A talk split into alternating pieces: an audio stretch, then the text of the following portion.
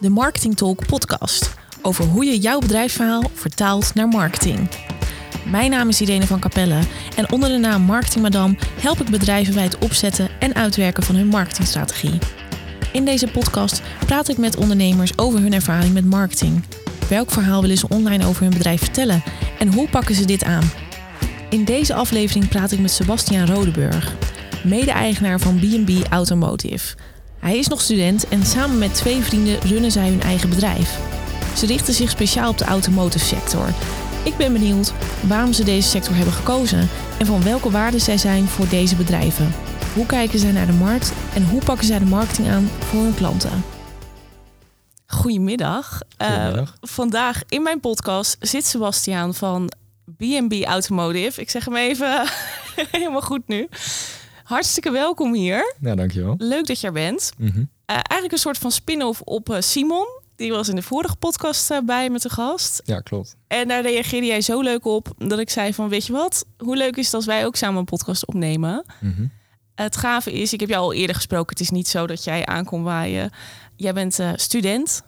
Klopt. Nog wel. Daarnaast bijna wel fulltime ondernemer te noemen. Mhm. En met je eigen bedrijf, een B&B Automotive. En dan doe je samen met... Twee andere mensen. Uh, Dat zijn Brian Bandel en Maurice Kerver. Dat zijn ook medestudenten van mij. Ja. Leuk. Ik zag zelfs dat Brian mij was gaan volgen op uh, LinkedIn. Dat zou zomaar kunnen. Ik denk, die ken ik niet. Die ga ik eens even bekijken. Toen zag ik B&B Automotive erbij staan. Ja, dat klopt. Ja. Hij Leuk. is vrij actief erop. Ja. Goed zo. Alleen maar mooi. Mm -hmm. Wij gaan het vandaag hebben over, over jouw onderneming. Mm -hmm. uh, want jij richt op een specifieke doelgroep. Ja, klopt. Um, daarnaast is het best wel bijzonder dat jij al vanuit je studie zo'n bedrijf opzet. Samen met nog Mhm. twee. En daar wil ik het gewoon, uh, wil ik dus uh, luisteraars over uh, ja, laten weten hoe goed het is als je een specifieke doelgroep kiest, als je weet waar je voor je doet. Omdat het soms wel eens moeilijk is. Heel veel mensen zeggen vaak: wij doen alles voor iedereen, of wij helpen iedereen, of Mhm. iedereen kan bij ons terecht. Is niet de beste marketing. Niet altijd, nee. nee. nee, nee. Maar vertel, B&B Automotive, waar staan jullie voor?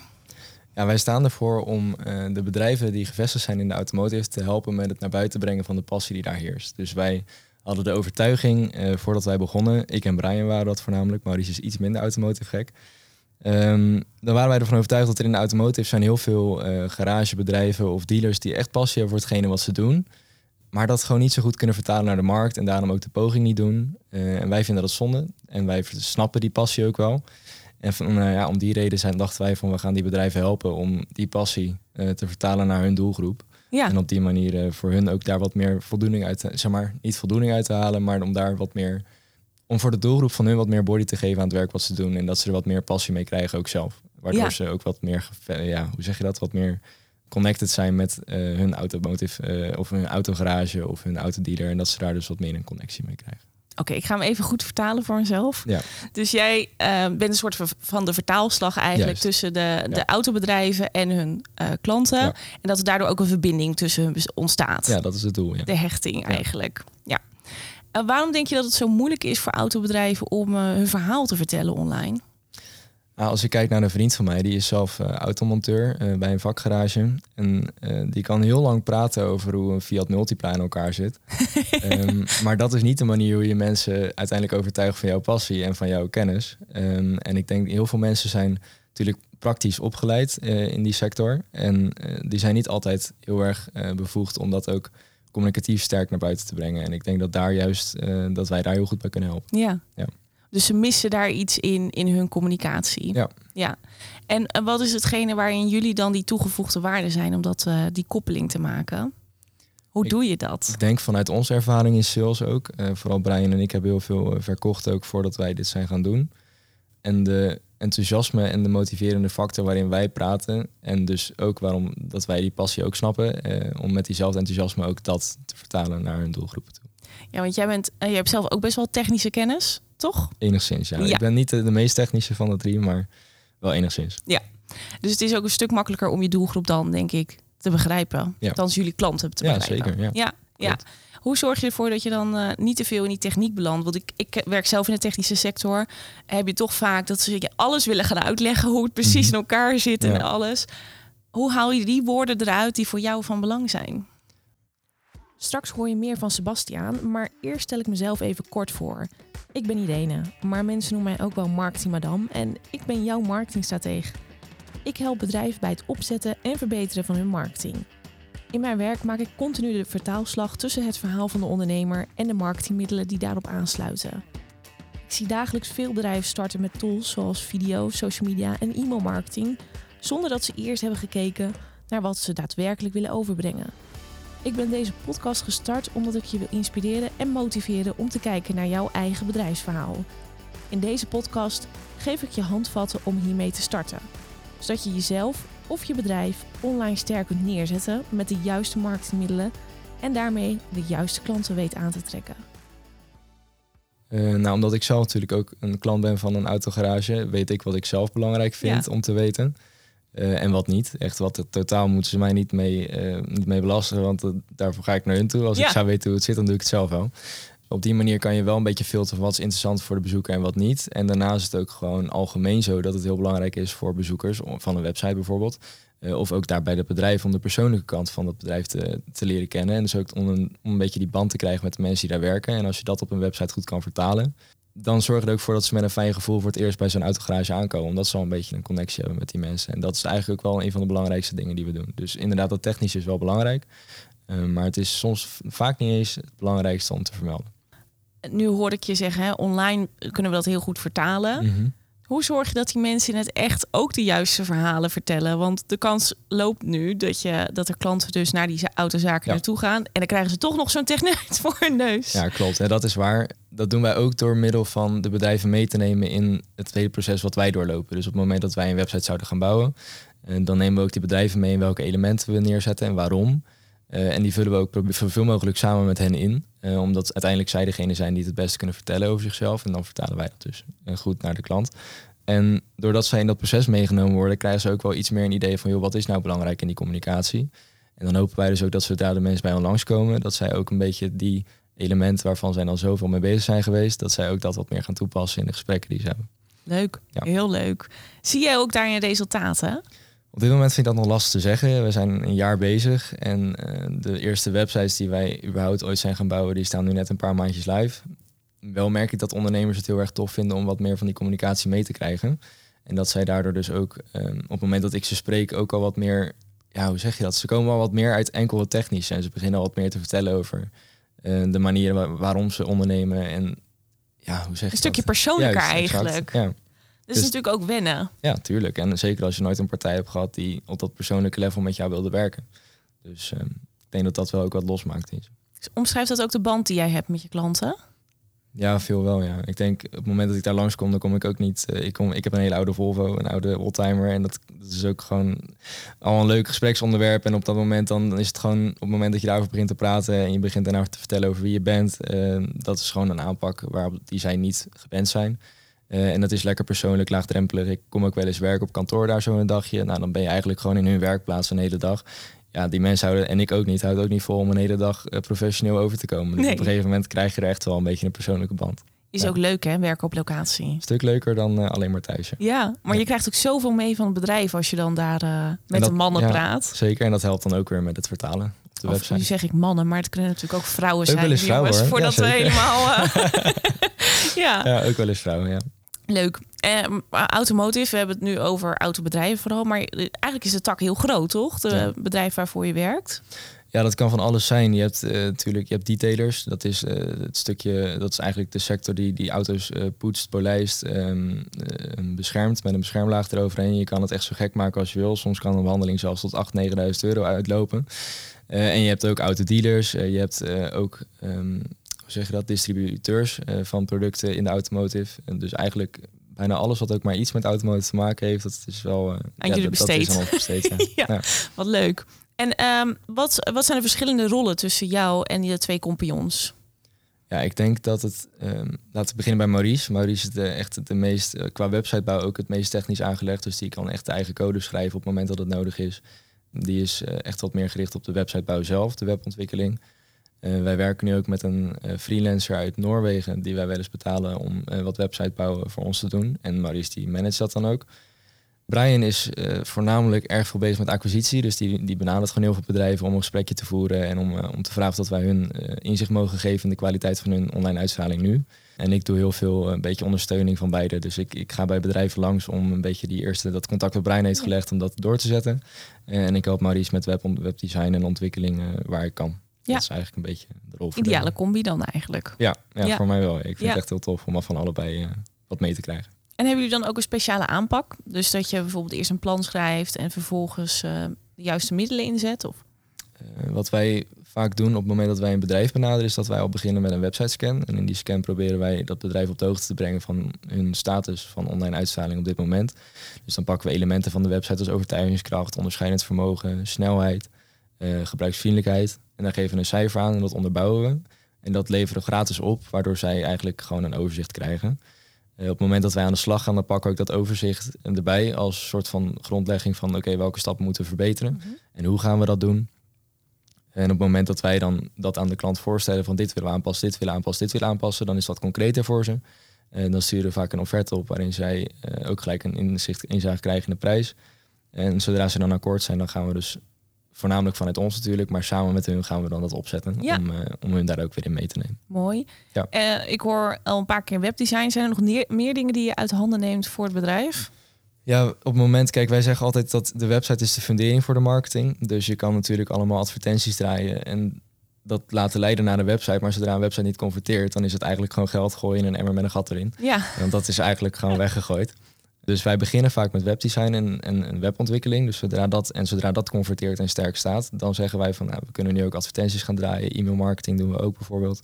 SEO is ook een, maar dat nemen we vaak al mee met de webontwikkeling.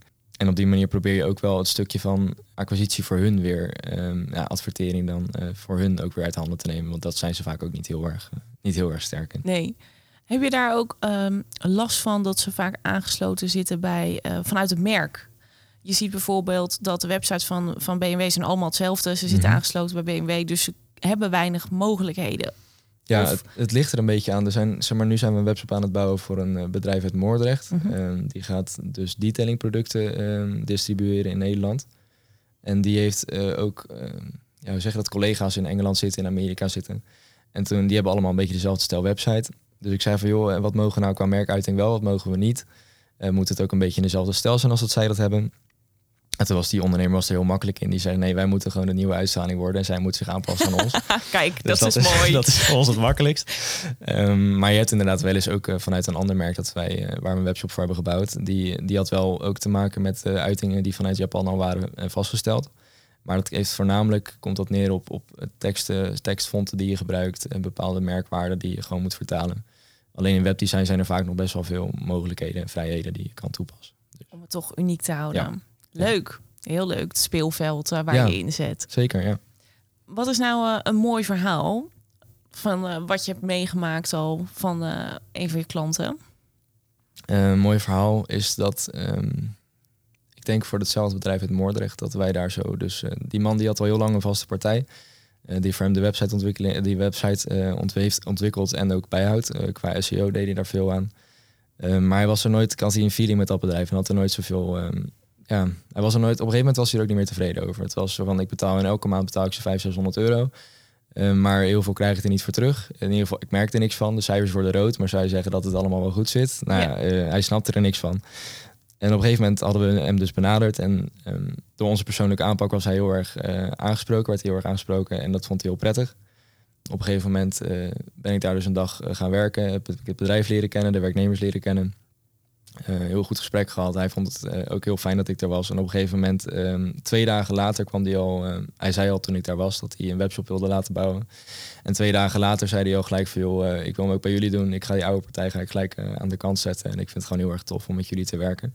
En ik denk dat dat voor ons ook het meeste voldoening geeft. Dat wij gewoon merken dat ook het bedrijf het tof vindt om, om met ons aan de slag te gaan. Ja. In plaats van dat het alleen maar van ons komt. Ja, ja nee, ik, ik kan me het heel goed voorstellen als startend ondernemer... dat je het is toch allemaal spannend wat je doet. Klopt. Uh, en dat je door jouw aanpak, de, door de aanpak, de manier waarop jullie het doen, dat het gewaardeerd wordt al zo snel. Nou, dat is gewoon heel prettig, want inderdaad, die onzekerheid die leeft wel. Uh, zeker op het moment dat wij nu een paar maanden bijvoorbeeld al wat minder hard lopen in de, in de nieuwe uh, klanten die binnenkomen. En dan denk je van, joh, wat moeten we aanpassen? Doen we het wel goed? Maar vaak is het dan ook wel weer goed om te kijken naar, joh, waarom zijn die andere bedrijven nou klant geworden? En probeer je dan even terug te gaan naar het begin en je daar gewoon aan vasthouden. Ja. Want dat is de reden dat zij klant zijn geworden. En dat dat nu dan even niet werkt, is geen reden om dat los te laten. En ehm, ja, daar word je wel zekerder van. Misschien gelijk een goede vraag erop. Welke vragen van de klant vul je in? Want ze hebben waarschijnlijk een probleem of een behoefte of wat dan ook. Mhm. Nou ja, qua vraag, kijk, wij benaderen hen, dus het is vaak niet zo dat zij gelijk al met een vraag zitten, eh, omdat zij gewoon bezig zijn met hun dagelijkse werkzaamheden. Eh, maar op het moment dat jij eh, hun eigenlijk een spiegel voorhoudt en vertelt van joh, ehm, ik mis eigenlijk dit en ik mis dit en ik mis dit op jullie website en dit doe je wel heel sterk, maar waarom pas je dat dan ook niet daar en daartoe? En dan creëer je bij hun eigenlijk al een beetje zelf de vraag van ja, waarom doen we dat eigenlijk niet? En wat zonde eigenlijk? En dan leggen we ook voor van joh, hè, bij een concurrent van jou kan dat zo en zo gaan. En die, die pakken wel de conversie die jullie op dit moment niet Ja. pakken. En daardoor krijgen zij het idee van joh, ja, eigenlijk is het gewoon logisch wat je zegt. Ik heb dat ook nodig. En ehm, doordat je dan gaat eh, meeneemt in hoe je dat dan kan verwezenlijken. En dan creëer je bij hen eigenlijk zelf ook de vraag van ja, nou, laat het maar gewoon gaan doen dan. En eh, eigenlijk eh, de wil om het echt te gaan doen. Laat ik het zo zeggen. Ja, want wat zijn de ehm, doelen van jouw klanten? Wat willen ze graag bereiken met de werkzaamheden die jullie doen?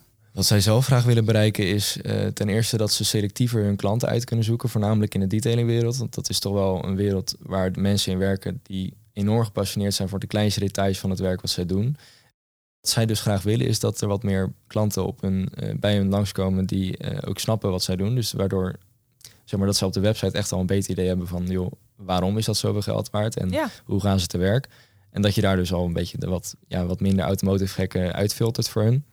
En heel veel willen ook gewoon eh, dat, dat ze geen geld mislopen. Ze, willen, ze vinden het zonde op het moment dat zij merken dat zij minder conversie hebben dan de concurrent. Dat zij eigenlijk gewoon geld weg zien lopen. En dat, en dat vinden ze zonde. Ja. Dus ook gewoon de omzet verhogen. Dat is wel een belangrijk doel. Uiteindelijk werken heel veel ondernemers uiteindelijk voor Ja. hun brood natuurlijk. ja. Ja, dat, dat vind ik. Het verhaal ervoor vond ik eigenlijk mooi. Ja, dat is mooi. Maar het is Ja. ook de realiteit. Ja, nou wel. ja, aan de ene kant, ehm, ik heb één keer iemand gehad, daar was ik op locatie en die zei: Mhm. Nee hoor, ik hoef geen marketing, ik heb werk zat. Ja. Waarop ik zei: Zolang je het juiste werk hebt waar jij blij van wordt, doe je het Ja. inderdaad goed. Ja. Maar ja, ik kan me ook voorstellen dat was een advocaat, dat een advocaat niet blij wordt van alleen maar algemene Nee, voorwaarden. zeker niet. Nee, klopt. En wat jij zegt, eh, er kan heel veel werk zijn en er kunnen heel veel mensen voor je deur staan, maar als je die vervolgens alleen maar met een wasbeurtje van 25 euro gelukkig kan Juist, maken, dan ja. Maar je wil echt de klanten hebben met wie jij ook graag samenwerkt. Op het moment dat jij zelf kan kiezen uit tien aanvragen die maand, want zo'n auto ben je vaak ook al een week mee bezig als detailer. Dus vier klanten in een maand zijn eigenlijk al best wel veel als je als enige als één persoon werkt, zeg maar. Als jij er dan eh, elke maand net vier hebt en je pakt ze allemaal binnen en je werkt voor vervelende mensen, dan is dat veel minder leuk dan dat je ehm, de tien hebt staan in de maand en dat je zelf kan kiezen. Nou, ik vind jou wat tof en, ja, en eh, jouw auto ga ik ook doen. ja, En dat je dus eigenlijk gewoon zelf met de leukste mensen werkt. Ehm, en op een gegeven moment kan je natuurlijk ook meer waardering, kan je ook eh, de prijs die je aan jouw diensten hangt, kan je ook hoger leggen, omdat er gewoon meer mensen zijn die jouw diensten willen. Dus op die moment krijg je ook gewoon financieel wat meer waarde voor, eh, of waardering voor het werk wat je doet. ja. Want we hebben het eigenlijk een beetje over wat houdt eh, marketing dan in. Mhm. Wat houdt marketing voor jou in? Je mag daar meerdere regels voor gebruiken hoor. Want Uh, ik denk dat mak ja, nogmaals, ik denk dat het belangrijkste voor marketing is het vertalen van je passie. En, ik, en, een, en een band creëren met de potentiële klant, maar ook zeker je huidige klant. Uh, community building vind ik ook passen onder marketing. Uiteindelijk doe je marketing om uh, jouw merk te uiten. Uh, en om met jouw marketing mensen aan te spreken om ook aan jou geld uit te geven. Om ook bij die community te horen of om ook producten van jou af te nemen. En ik denk dat marketing daar de tool voor is. Dus je, je trekt de markt naar je toe door middel van leuke uitingen. En door middel van het vertalen van wie jij bent naar de doelgroep toe. Nu heb jij vandaag het assessment consumer behavior. Ja, dat klopt, ja. uh, ik, ik, vertaal het voor mezelf een beetje als neuromarketing. Ja. Uh, omdat dat uh, voor mij een beetje in één lijn ligt. Mm -hmm. Is eigenlijk ook wat je nu zegt. Hè? We ja. willen altijd als mens onderdeel zijn van een groep. Ja. En hoe mooi is dat als je dat gelijk al mee kan nemen in je marketing Ja. die jij voor je klanten doet. Ja, ik was laatst bij een bedrijf, een, een plantenwebshop, plants.com was dat. En die zijn in drie jaar tijd zijn ze enorm hard gegroeid. En uh, dat bedrijf heeft ook een enorme community van allemaal plantengekkies, noemen ze Ja. dat dan. Uh, iets van 112.000 plantengekkies die hun volgen. En die zelf uh, content naar hun toe sturen, die ze op de socials kunnen plaatsen. Nou ja, ik bedoel, als je iets van een sterke community kan noemen, dan is dat er wel één. Ja. En dat maakt ook dat je alles wat je doet, doe je samen met je community. En op die manier krijg je ook veel meer waardering vanuit de klanten die je hebt. Het is, wat dat betreft kan marketing heel veel mooie dingen met zich meebrengen als je het goed doet. Jij gaat helemaal stralen ervan. Ik vind ook. dat dat leuk, hele ja. community ding is wel echt jouw ding. Ja, ja, Ik kan het niet voorstellen trouwens, want mensen zijn mensen die hun, hun planten een naam geven. Ehm, mijn planten leven niet eens zo lang. Ja, ze zien er hier nog wel groen uit hoor. Daar heb ik wat werk aan moeten doen. Uh-huh. Maar goed, nee, dat zijn inderdaad hele Ja. goede communities. En je ziet dat ook steeds vaker terugkomen. Ja. En ook zeker in de automotive zijn er heel veel autocommunities. Heel veel mensen die eh, een passie hebben voor de auto die ze hebben of voor een bepaald werk dat ze hebben eh, binnen de automotive. En ehm, het lijkt mij ook heel vet om uiteindelijk als je de juiste bedrijven bij elkaar hebt, dus de juiste klanten, dat je ook kan zeggen van joh, ik heb deze en deze en deze werk ik mee. Kunnen we niet samen een leuk event creëren waardoor we gewoon Nou. al jouw klanten meenemen in het werk wat jullie doen, dat Ja. jullie elkaar kunnen promoten. Ja. Eh, dat zijn enorm vette dingen om te doen. Omdat jullie natuurlijk straks alle, een portfolio aan automotive klanten. Kunnen jullie alles aan elkaar koppelen. Hoe gaaf zou dat zijn? Ja, ik mis dat heel erg. Ik, ehm, ik hou ook heel erg van auto's. Ja. Ehm, ik ben een, geen klassieke rijder of wat dan ook. Maar Mhm. ik, wat wij hadden was ooit een, ehm, een Ford K-avond. Ja. Weet je, allemaal vrouwen die... Dat is toch leuk? Heel Ja. leuk, echt heel leuk. Want eh, ehm, dat is het mooie van communities. Er is maar één ding nodig om verbinding te hebben Juist. met elkaar. Ja. En het mooie is, als je het lekker voelt en je bent blij... dan geef je ook makkelijker geld uit. Ook, zeker. Ja, dat is ook weer zo. Eh, en voel je meer verbonden. Want die herinnering, als, ik denk dat het zeker, nou misschien wel tien jaar geleden is dat dat is geweest. Mhm. Het vind ik toch weer met jou te delen. En je lacht erbij. Ik lach erbij. Dus je ja. hebt echt een leuke ervaring gehad. ja, ik bedoel, die avond stelde zelf niks voor. Maar het is toch dat je al die Ja. autootjes ziet staan. En je ziet allemaal dat voor types. En dan denk je toch, wie rijdt er allemaal in? Ehm, en daardoor ben je ook weer verbonden aan, eh, aan je merk. En als je daar dan een bedrijf zou hebben die zegt van joh, of, of een, een andere Ford K-eigenaar die zegt van joh, ik heb dit en dit aan mijn auto bij die en die laten doen. En dan ben je super blij omdat die dezelfde auto, oh, dan heeft hij natuurlijk dezelfde problemen waar die tegenaan loopt dan. Nou, dan kan ik dat daar ook wel laten doen. Ja, Dus je kan ook daardoor de communities elkaar een beetje laten inspireren om ja. weer bij die verschillende klanten ook weer diensten af te nemen. Ja, heel leuk. Ja, en daardoor bouw je ook denk ik een heel sterk merk op.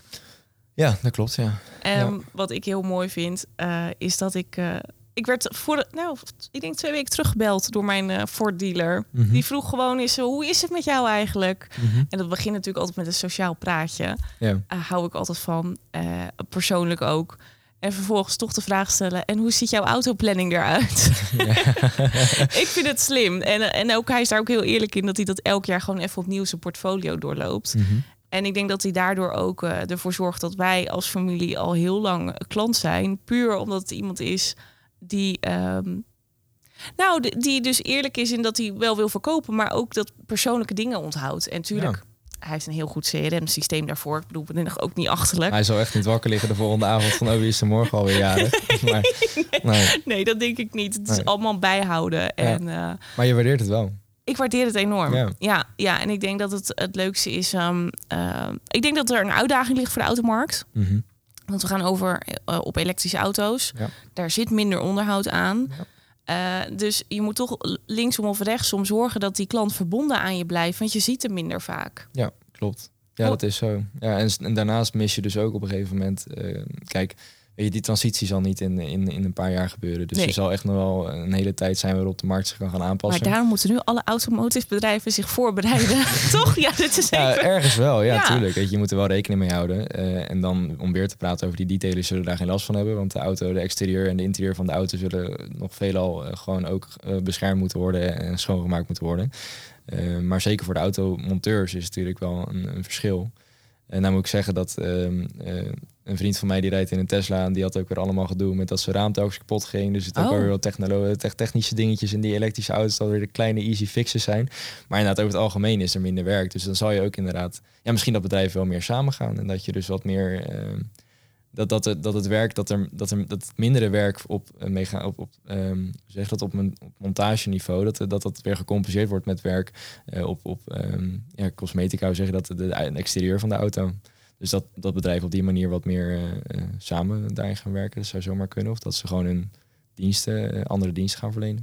Ja, dat vind ik dus... ehm, het, ja, dat zie ik nu. Hè. Mhm. Dat is het nadeel als marketeer en creatieveling. Ja, Je stopt er iets in en er komen zes dingen uit. ja, Ehm, heel veel dezelfde Tesla's rijden er. Heel veel, ja. Ja, ze vallen pas op als ze mat zwart zijn met rode velgen, zal ik Ja, maar zeggen. Klopt. Dus wat dat gaat aan rappen en, en styling, is daar eh, veel aan te verdienen. Want we zijn, eh, we zijn kuddedieren, Zeker. maar we willen, zijn toch ook graag uniek. Ja, ja, ze klopt. Ja, in Ja. sommige dingen wel, ja. Ja, de- Ja. dus inderdaad wat je zegt, de, de markt verschuift. Dat denk ik voor een groot deel inderdaad. Als je, als je allemaal dezelfde, vroeger ook in het communistische eh, Duitsland had je ook eh, dat iedereen in trabantjes reed. Ja. Nou, ik was laatst bij een, eh, bij een Trabantmuseum en er stonden alleen maar andere Trabants, omdat al die eigenaren wilden allemaal niet hetzelfde zijn als Nee. de rest. Dus ja, weet je, die mensen die toen de tijd die auto's aan het spuiten waren, een hoop werk gehad hebben. Precies. Dat denk ik wel. Ja, want wat zie jij nog meer gebeuren in de markt waar jij je klant op voorbereidt? Ehm, vind ik een lastige vraag, moet ik eerlijk zeggen. Ehm, wat je merkt sowieso aan de consumenten is dat consumenten steeds meer ehm, gaan vragen naar. eh, je hebt de Golden Circle van Simon Sinek en die, die zegt dat, eh, dat klanten heel erg uitgaan van het waarom. Dus, dus waarom onderneem je en niet wat doe je. En ik denk dat het ook belangrijk is om dus ook de automotive ervan op de hoogte te brengen. Dat de visie van het bedrijf en dat vertalen ook steeds belangrijker wordt dan enkel vertellen wat je doet en hoeveel het kost. Omdat dat bij iedereen hetzelfde is. En Ja, Pietje zal 2 euro goedkoper zijn dan dan Jantje. Alleen daar ga je niet je klant mee overhalen. En ik denk dat het verbinden van de klant aan jouw bedrijf door middel van je persoonlijke ehm, visie en je doel. Ik denk dat dat eh, ook een transitie is, niet per se in de automotive, maar wel in, in de hele consumentenwereld, eh, waar je ook rekening mee moet houden. Nu eh, zit jij bij eh, autobedrijven en daar zitten altijd verschillende mensen. Je hebt de mensen in de techniek, Ja. je hebt de mensen van de service Ja. en je hebt de autoverkopers. Ook. Ja. Eh, heb ik ooit gehoord van een autoverkoper die zei: ja, als die wit is, dan zeg ik vallen de, de lampen niet zo op, dan zie je mooi het model. Mhm. En zegt diegene: ja, ik wil een zwart auto. Dan zeg ik: ja, dat is mooi, want dan vallen de lichten goed op en het is een hele mooie verlichting. Mhm. Dus ze hebben allemaal hun eigen aanpak om, om te verkopen. Hoe zorg je dat al die mensen iets van zichzelf herkennen in die website van hun verhaal? Want ze hebben allemaal een ander soort belang erin in het, in het verhaal vanuit hun bedrijf. Ja, ik denk dus voornamelijk door ze erin mee te nemen. Wij vragen in veel gevallen ook of mensen zelf teksten aan willen leveren. En dan zijn dat niet, vaak niet de definitieve teksten die ook op de website komen te staan. Maar daardoor krijgen wij wel het puurste beeld van wat zij belangrijk vinden en wat zij graag willen uitstralen in die elementen die wij al hebben voor opgesteld. Dus dan zeggen we, hier gaan we iets over dit vertellen, hier gaan we iets over dat vertellen. Kan jij dat invullen? En dan sturen ze gewoon een ruwe opzet op. En daardoor eh, krijg je ook gewoon een heel goed beeld van wat zij belangrijk vinden in hun uitstraling. En dat je dat dus samen met de kennis die wij hebben kan vertalen naar een mooi verhaal. En kom je dan al echt bij de why ook? Of is dat toch wel veel? Nee, hè? Dat, Dat is vinden ze lastig. Ja. Ja. Ja. dat vinden ze lastig. Maar op het moment dat je... Daar kom je vaak ook nog wel eens als... ehm, op het moment dat je vertelt veel waarom ben je begonnen en hoe ben je begonnen. En op het moment dat je dan dat gesprek wat meer stuurt naar eh, van joh, en waarom ben je nu dan nog bezig, dan geven ze vaak indirect zelf al wel antwoord op waarom ze nog ondernemen. En ondertussen schrijf je het op en dan, dan zeg je aan het einde van het belletje zeg je van nou, volgens mij is dit waarom jij onderneemt. En als ze dan zeggen ja, daar kan ik me wel in vinden, dan heb je eigenlijk een soort van de why wel gevonden. Dus op die manier kan je dat wel, eh, kan je ze er wel een beetje bij helpen. Merk je nu ook bijvoorbeeld in de automarkt dat mensen... Wat, waar ik zelf mee zit, ik zou best wel elektrisch willen rijden. Ja, Maar ik zou dan ook graag een berekening van mijn eh, ehm, verkoper verwachten. Ja. Wat het verschil is helemaal. wat gaat het jou financieel schelen als je op elektrisch overgaat? Ja. Ja. en ik vraag me steeds meer af, is dat een vraag die ik mag stellen aan mijn verkoper? Dat is lastig, omdat het van zoveel dingen afhangt natuurlijk. Hè? Naast enkel hoeveel die verbruikt en hoeveel de stroom op dat moment kost. Ik bedoel, je hebt afgelopen jaar ook gemerkt dat de stroom eh, of de, ja, de energieprijzen zijn zo hard gestegen. Daar had geen enkele verkoper van tevoren een berekening op kunnen maken. Dus ik weet niet of, of een verkoper zich er überhaupt aan moet willen wagen om dat uit te rekenen voor je. Omdat het van zoveel externe factoren afhankelijk is om dat te berekenen. Eh, als dat is wat je bedoelde.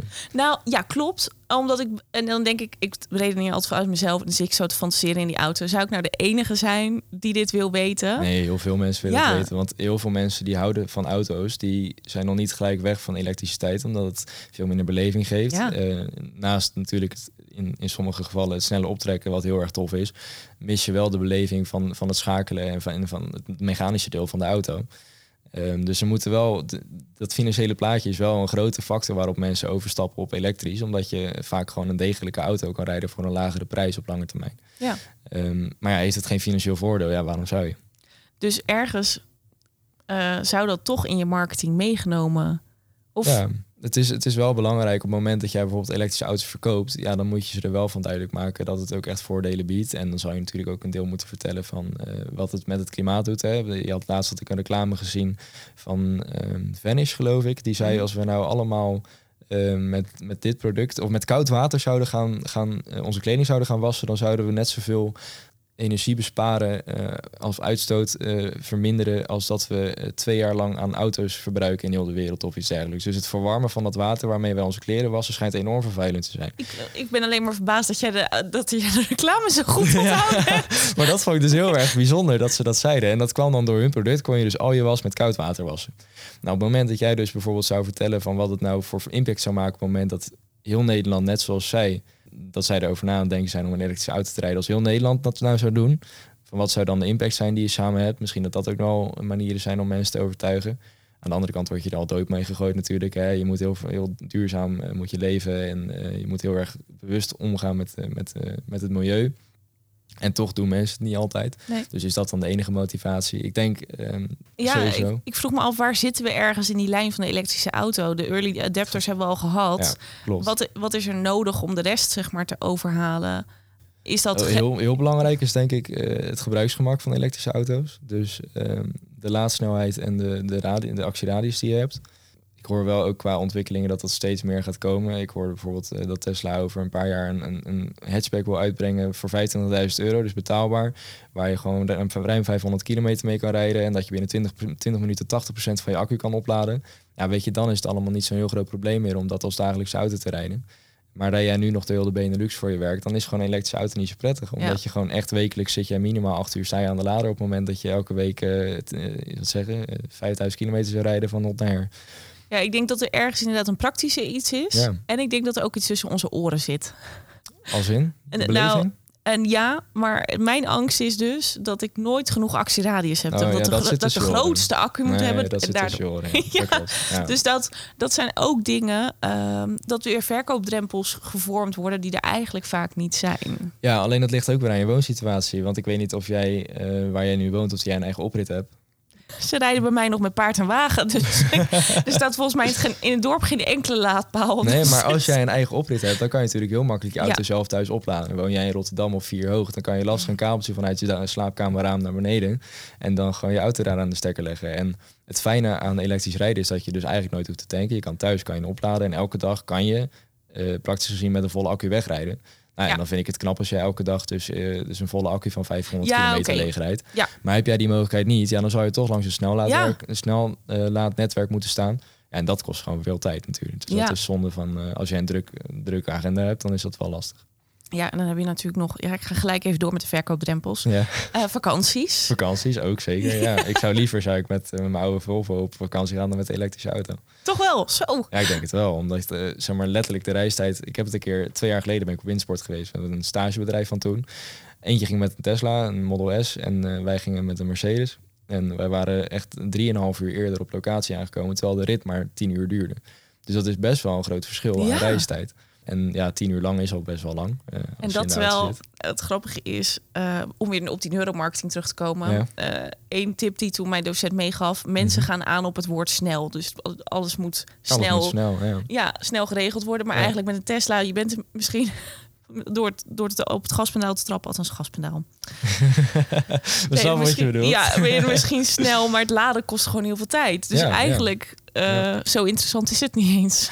Nou ja, dus wel als je onderweg niet hoeft te laden. Dus als je van, van plek A naar B op één radius kan doen en je kan daar weer opladen, dan is het gewoon prima.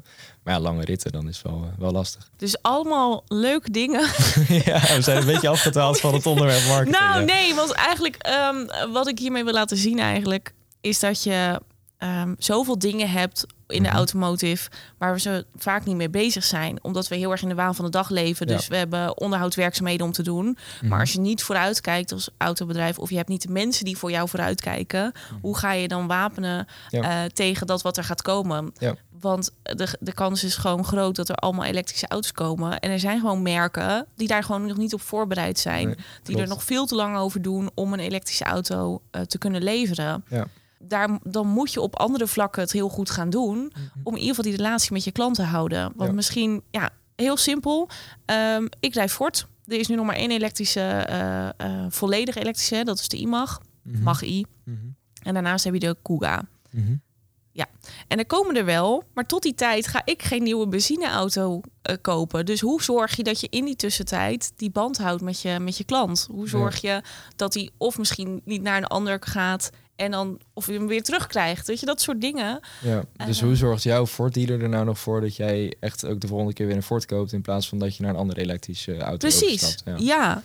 En, en dat zijn allemaal dingen die liggen buiten hun, hunzelf. Ze kunnen moeilijk zelf die elektrische auto gaan maken. Ja. Dus ze zijn afhankelijk van wat, wat Ford eh, eh, wereldwijd Ja. doet. Maar zij moeten er wel mee dealen als dealer. Ja, ja dat, dat zou iets moeten zijn waar ze goed in zijn natuurlijk. Maar Ja, ja, ja, klopt. maar Ja. Dat, dat zijn, eh, de, de markt is niet meer zo van, vanzelfsprekend. Zo weet ik Nee. ook eh, dat er een schreeuwend tekort is aan tweedehands auto's. Ja. Dus ze jagen als een gek op mensen die nu eh, een auto hebben van twee of drie jaar. Mhm. Puur om de verkoop van de tweedehands weer te stimuleren. ja, klopt. Ja, dat wat dat betreft ehm, is het inderdaad een hele snel bewegende markt ook. En er zijn heel veel snelle ontwikkelingen ook. Het lijkt ook net alsof ontwikkelingen tegenwoordig veel sneller gaan dan dat ze... Kijk, toen leefde ik nog niet hoor, maar 15 jaar geleden gingen. Bedoel, eh, als je kijkt ook überhaupt naar automodellen... ehm, Vroeger deed je acht jaar lang werd dezelfde Mercedes gemaakt en dan pas kwam er een keer een facelift en dan Ja. pas kwam er Ja. een keer echt tien jaar later kwam een nieuw Ja. model. En, daardoor heb je elke zijn waarde. ja, precies. En nu heb je elke twee jaar heb je een facelift en elke vier jaar komt er bijna een nieuw model uit. Ehm, en dat is best wel, eh, best wel snel. En eh, zeker als je dan nu die transitie naar elektrisch moet gaan maken. En jouw eigen merk waar jij een dealer van bent, loopt achter. Ja, hoe ga je dat dan opvangen? Ik denk dat je, zolang het kan, dat je de kracht ook van benzineauto's natuurlijk nog kan, eh, ehm, kan vertalen naar de markt toe.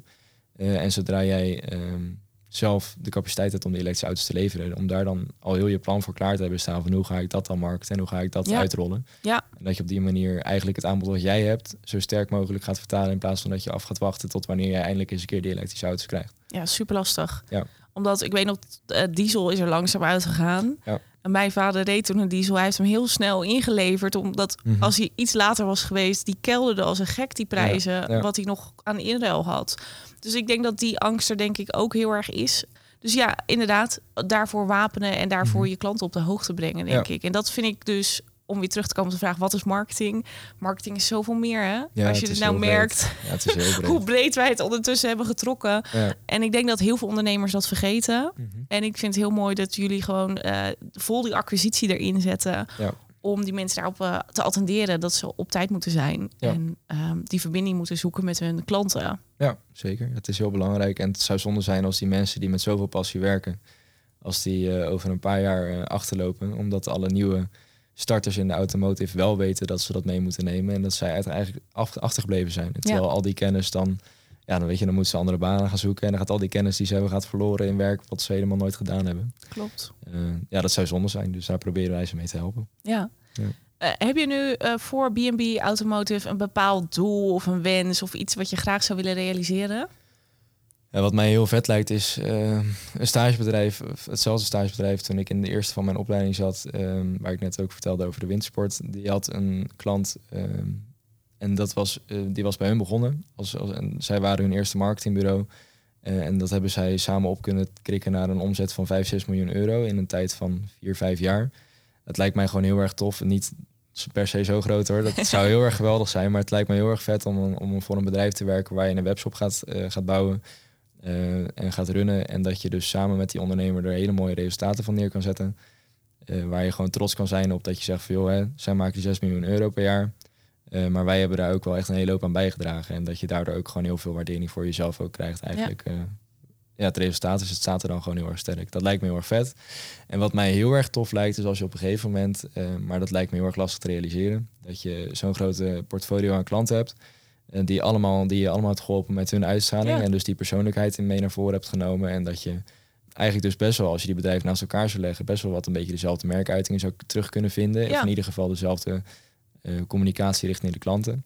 En dat je dus op een gegeven moment ook een, eh, een soort samenwerking kan creëren tussen bedrijven die je hebt. En dat je daar eigenlijk als in plaats van allemaal verschillende entiteiten, dat je er een, een soort overkoepelende naam onder kan hangen. En dat je zegt joh, heb jij passie voor je auto en ben jij echt een autogek? Ja, dan moet je dat bedrijf hebben om je auto te laten detailen, je auto te laten keuren, je auto te laten onderhouden, je auto te modificeren. En dat je daar gewoon moet zijn voor alles als jij een autogek bent. En dat lijkt me heel erg tof. Of het realiseerbaar is, weet ik niet. Al die ondernemers zijn uiteindelijk best wel, best wel stroef. Maar eh, op een gegeven moment een benchmark creëren voor waar je naartoe moet als jij een autogek bent, zou mij heel erg vet lijken. Ja, en ehm, je maakt het inderdaad heel groot.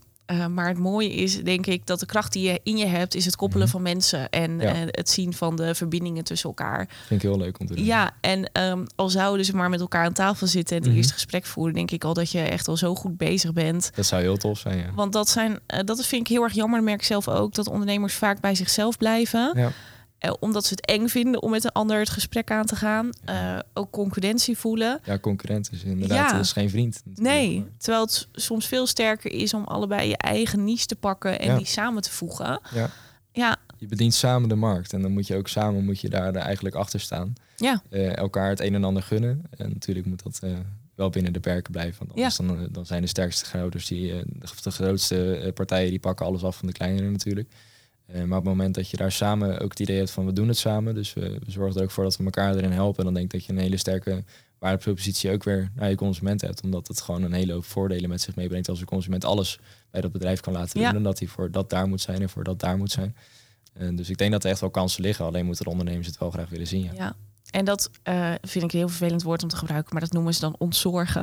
ja het is niet eens een woord, officieel. Nee, het is geen woord. Het wordt altijd fout gezegd. Ja. Maar we vinden het zo. In Nederland vinden we dat een heerlijk Ja. woord om te zeggen. Dan vraag ik wat, wat maken jullie bijzonder bij ontzorgende klanten? Dan denk ik ja, en hoe dan? Ja. En, en jij geeft er nu invulling aan eh, door eigenlijk op de, ja, de stoel van de klant te gaan zitten en hem zo goed mogelijk te bedienen. En of je dat nu alleen doet of met elkaar, ja. eh, je bent er als, eh, als partij. Als automotive ben je er voor, voor de consument. En Ja. Dat is eigenlijk een hele sterke, hele sterke waardepropositie uiteindelijk. Daar zou ik me als consument wel door aangesproken voelen. Ja, ja, Ja. zeker. Gewoon dat je weet dat, er, dat jouw autodealer of Mhm. ehm, ehm, detailing, is Ja. goed hè, Klopt. dat die een, een, een betrouwbaar netwerk achter zich heeft staan waar Ja. jij altijd op terug kan vallen. Ja, En precies. zeker als je wat meer geld uitgeeft aan je auto. Ja, dan, dan de gemiddelde persoon, dan is dat heel Ja, prettig, is dat ja. heel fijn. Ja. Ja. Ik vond het echt een superleuk gesprek, Sebastian. tof. ik wil je bedanken voor je tijd en eh, voor je openheid over je bedrijf en eh, hoe je erin Ja, staat. natuurlijk. Dankjewel. Zit je te luisteren naar deze podcast en ken of ben jij iemand die in deze podcast thuis past? Stuur dan een berichtje via de website. Je vindt meer informatie op marketingmadam.nl slash podcast. Tot de volgende Marketing Talk.